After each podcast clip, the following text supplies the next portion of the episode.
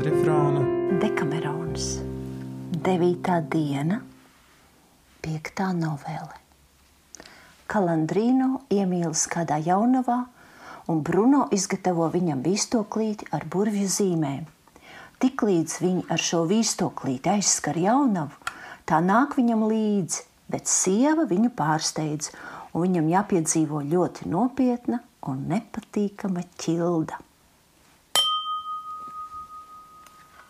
Kad bija pabeigta paīsā Neifilas novele, par kuru neviens sevišķi daudz nesmējās un nerunāja, karaliene pagriezusies pret Fiametu, pavēlēja, lai viņa turpina stāstīšanu.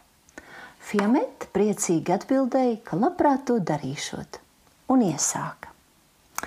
Gentilissime donne, siccome io credo che voi sappiate in una cosa e di cui tanto si parli.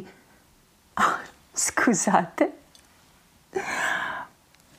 Mīļotās dāmas, man šķiet jums zināms, ka nav tāda stāstāmā, kas kaut kā daudzkārt pārstāstīts, nepatiktu aizvien vairāk un vairāk, ja stāstītājs prot izraudzīties īsto vietu un laiku, lai risinātu stāstu. Tāpēc es lūkojos pēc tā, kā labi mēs šeit esam. Un mēs šeit esam, lai priecātos un jautri pavadītu laiku, nevis kādā citā nolūkā. Man liekas, ka ikvienam stāstam, kas var sagādīt prieku un patiku, šeit ir īstā vieta un laiks. Un kaut kā tūkstoši reižu būtu runāts par vienu un to pašu, mēs varētu rast vienīgi prieku, vēl tikpat daudz reižu par to runājot. Un tāpēc, lai gan par kalandrīno piedzīvojumiem mūsu vidū ir runāts ļoti daudz, es ņemot vērā, kā nulle teica filostrāts, ka tie visi ir jautri un jocīgi, uzdrošināšos bez jau stāstītajām pastāstīt jums par tiem vēl vienu noveli, kurā, ja vien būtu gribējusi un gribētu novirzīties no patiesajiem notikumiem, es pavisam viegli būtu pratusi un prastu izdomāt un minēt citus vārdus. Bet tā kā novirzīšanās no patiesi notikušā stipri mazina klausītāju prieku, es tikko minētā iemesla dēļ stāstīšu jums tā, kā ir bijis.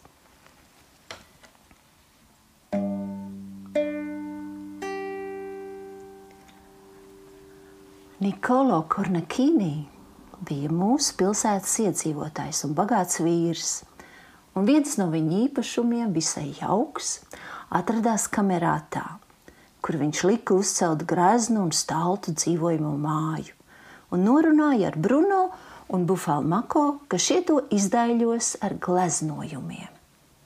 Bet tā kā ko darīt bija daudz, viņi pieaicināja sev palīgā arī Nello un Kalandrīno, un visi ķērās pie darba. Tur, lai gan dažas istabas bija iekārtotas ar gultām un ar citām nepieciešamajām lietām, dzīvoja tikai kāda veca kalpone, mājas sargātāja.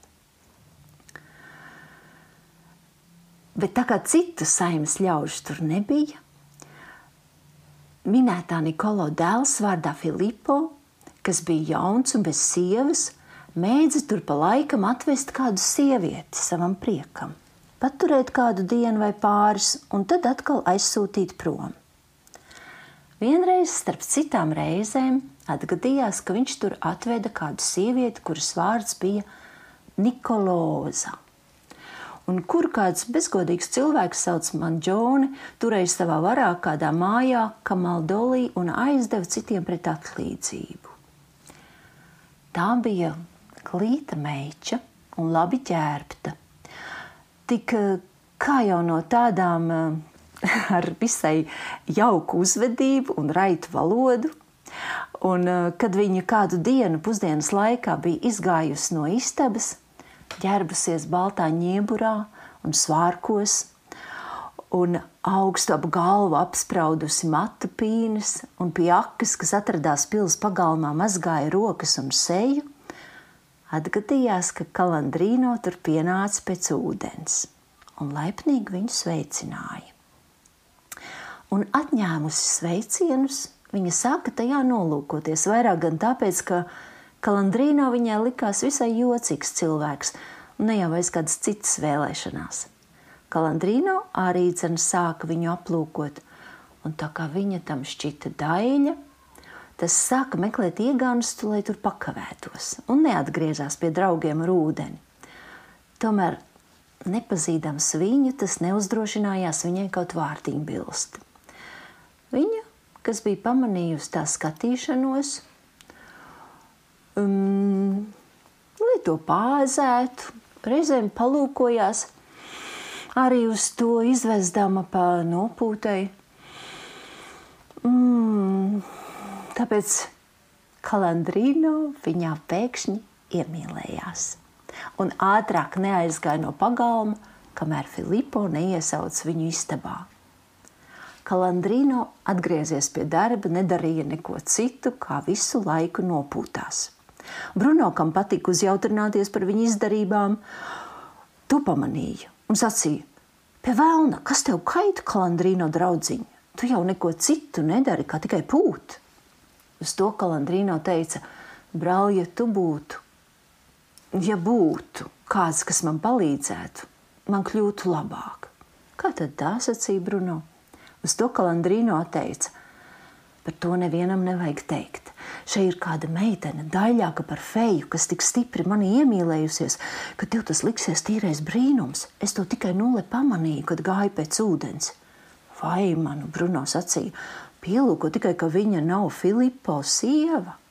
Kalandrīno teica, tas droši vien tā ir, jo viņš to pasauc un tā iegāja pie viņa istabā.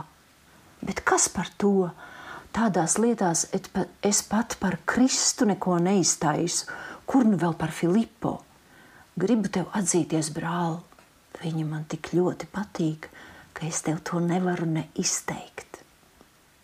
Tad Bruno sacīja: Brāl, es tevis labā uzzināšu, kas viņa ir. Un, ja viņa izrādīsies Filipo sieva, es divos vārdos nokārtošu tavu lietu, jo mēs ar viņu esam pa draugam.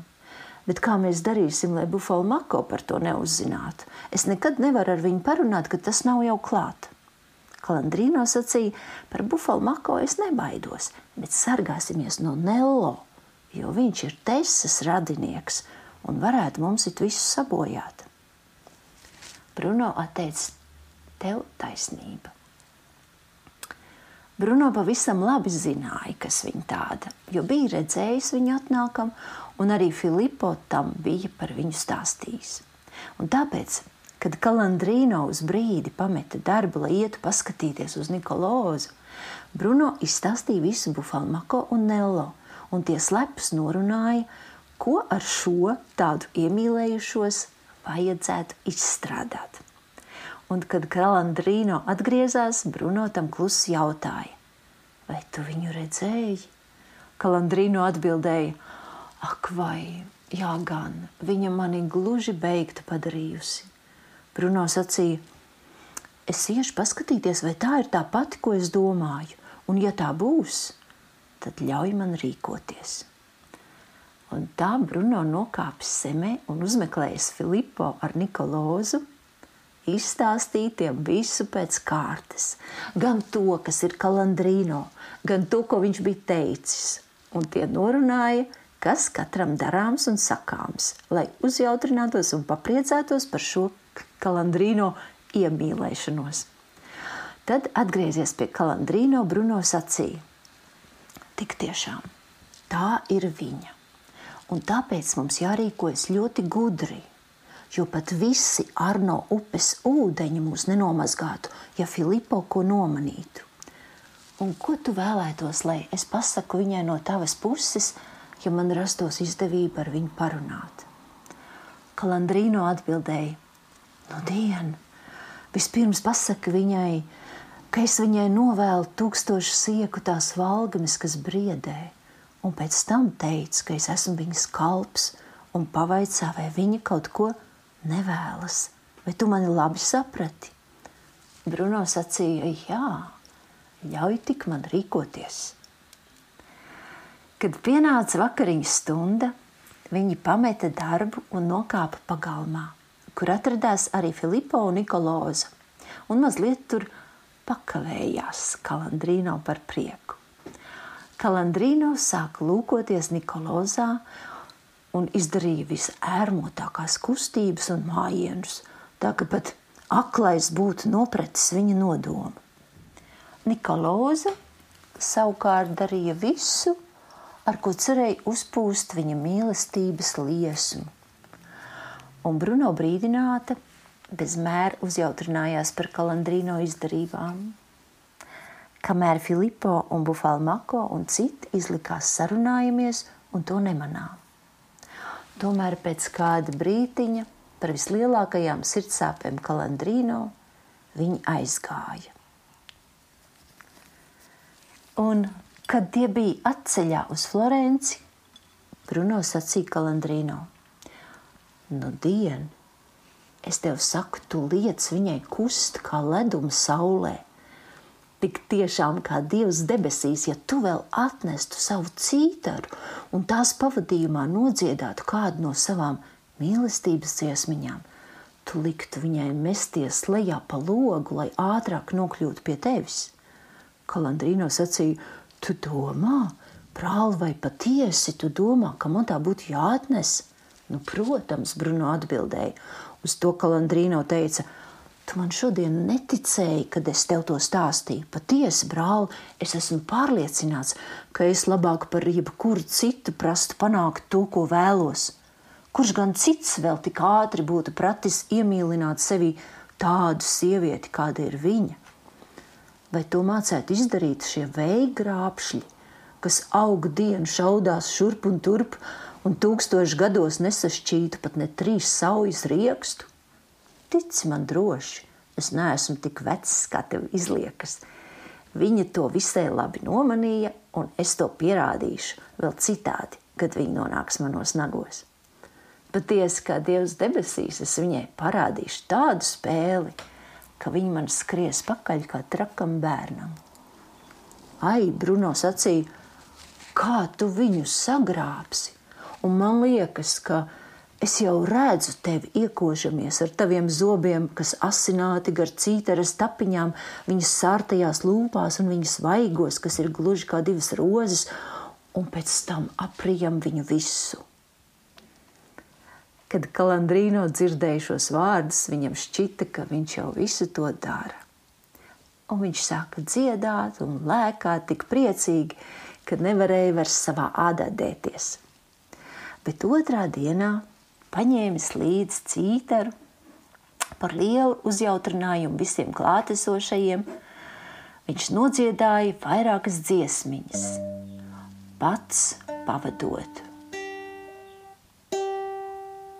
Un drīz vien Kalandrīno, kam tagad bieži gadījās redzēt Nikolozu, iedegās tādās ilgās pēc tās, ka vairs nemaz nestrādāja. Bet tūkstošreiz dienā skrēja gan pie loga, gan pie durvīm, gan pagalmā, lai to redzētu. Bruno savukārt atbildēja uz Kalandrīno sūtījumiem un pa laikam viņas vārdā sūtīja vēstules jo Nikolaus Bruno samācīt rīkojās ļoti veikli un ļoti labi prata Kalandrīno vilināt. Vēstulēs viņa deva lielas cerības tā kārošanām, stāstīdama, ka viņa atrodoties savu vecāku mājās, kur tas viņa pat labam diemžēl nevarot redzēt.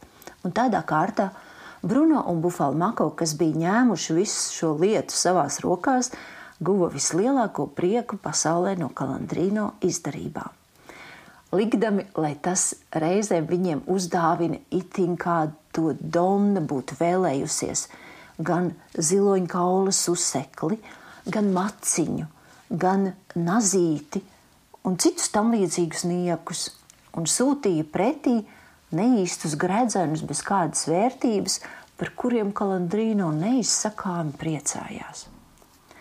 Un turklāt tas viņus vēl uzcienāja ar lieliskām maltītēm, un citādi godināja, lai viņi jo dedzīgāk pūlētos tā labā.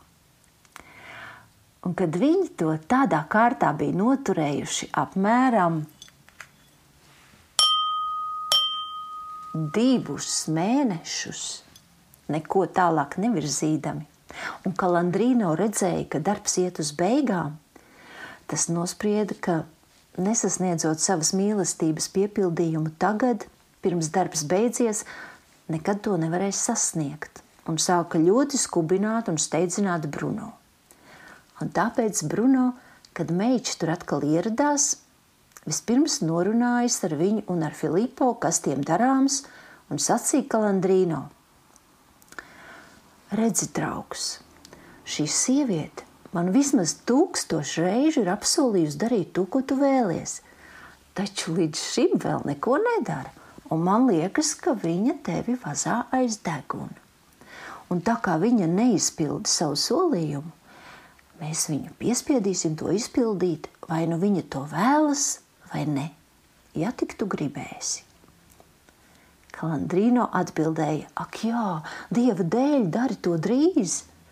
Tad Bruno turpināja: Vai tev pietiks drosmes aizskart viņu ar burvju vīstoklīti, ko es tev iedošu? Kalandrīno atteica: Protams, pietiks. Nu, tad Bruno sacīja: Sagādā man mazliet pergamenta, no kāda nedzimuša jēra ādas dzīvu sikspārni, trīs mirru graudiņus,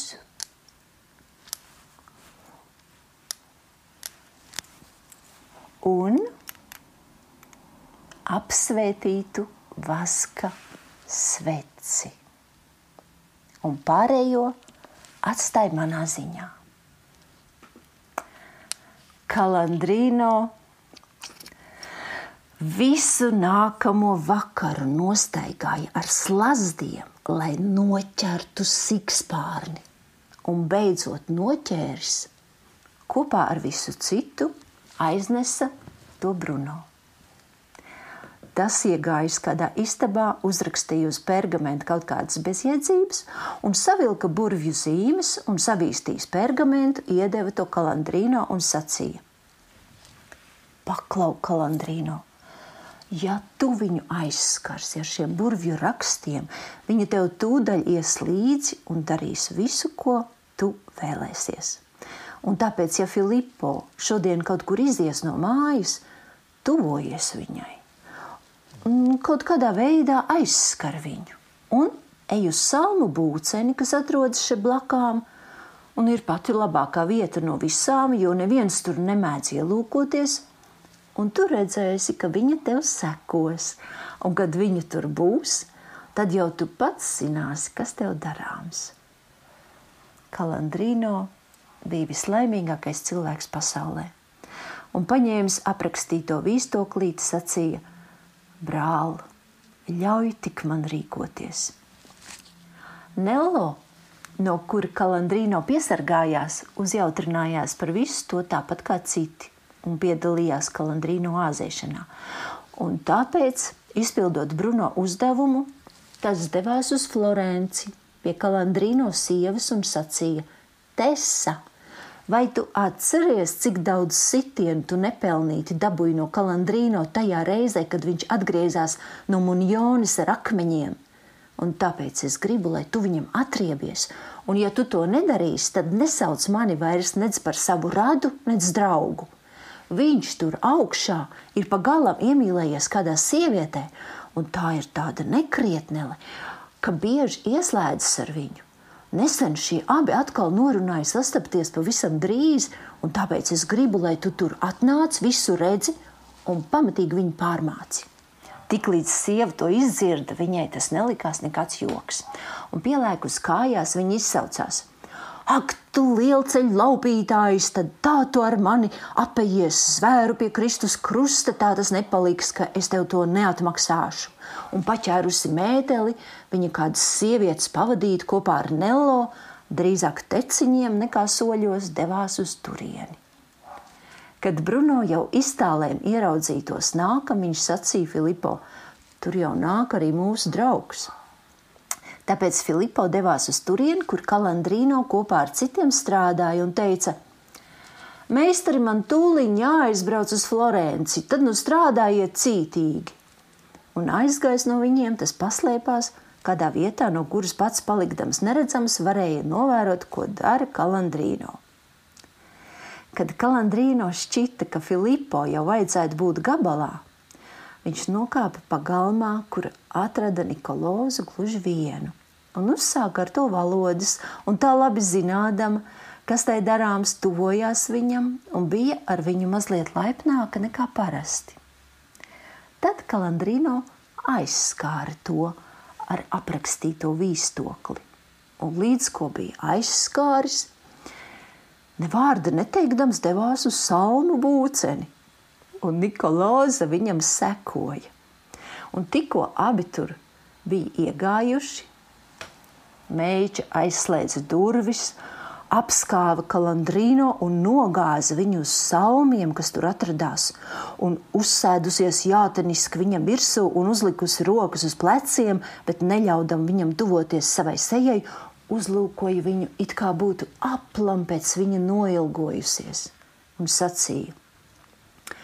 Ai, kalandrīno, manu saldumiņu, mana sirds un mana dvēsele, mana labklājība un mans miers, cik sen jau es vēlējos tevi iegūt un turēt pie savas krūts. Ar savu laipnību tu mani padarīji piekļāvīgu, kā apiņu stīgu, ar savām cītaras skaņām tu savalgoji manu sirdi. Vai tā ir patiesība, ka tu esi mans? Kalandrīno tik tikko varēdams pakustēties, sacīja: Ai, tu mana saldā dvēseli ļauj tevi noskūpstīt. Nikoloza atteica, kāpēc gan tāda steiga? Ļauj man vispirms pēc sirds patikas tevī lūkoties, ļauj manām acīm atcerties tavus mīlīgos skatienus. Bruno un Bufalmako bija aizgājuši pie Filipa, un visi trīs redzēja un dzirdēja visu, kas tur notika.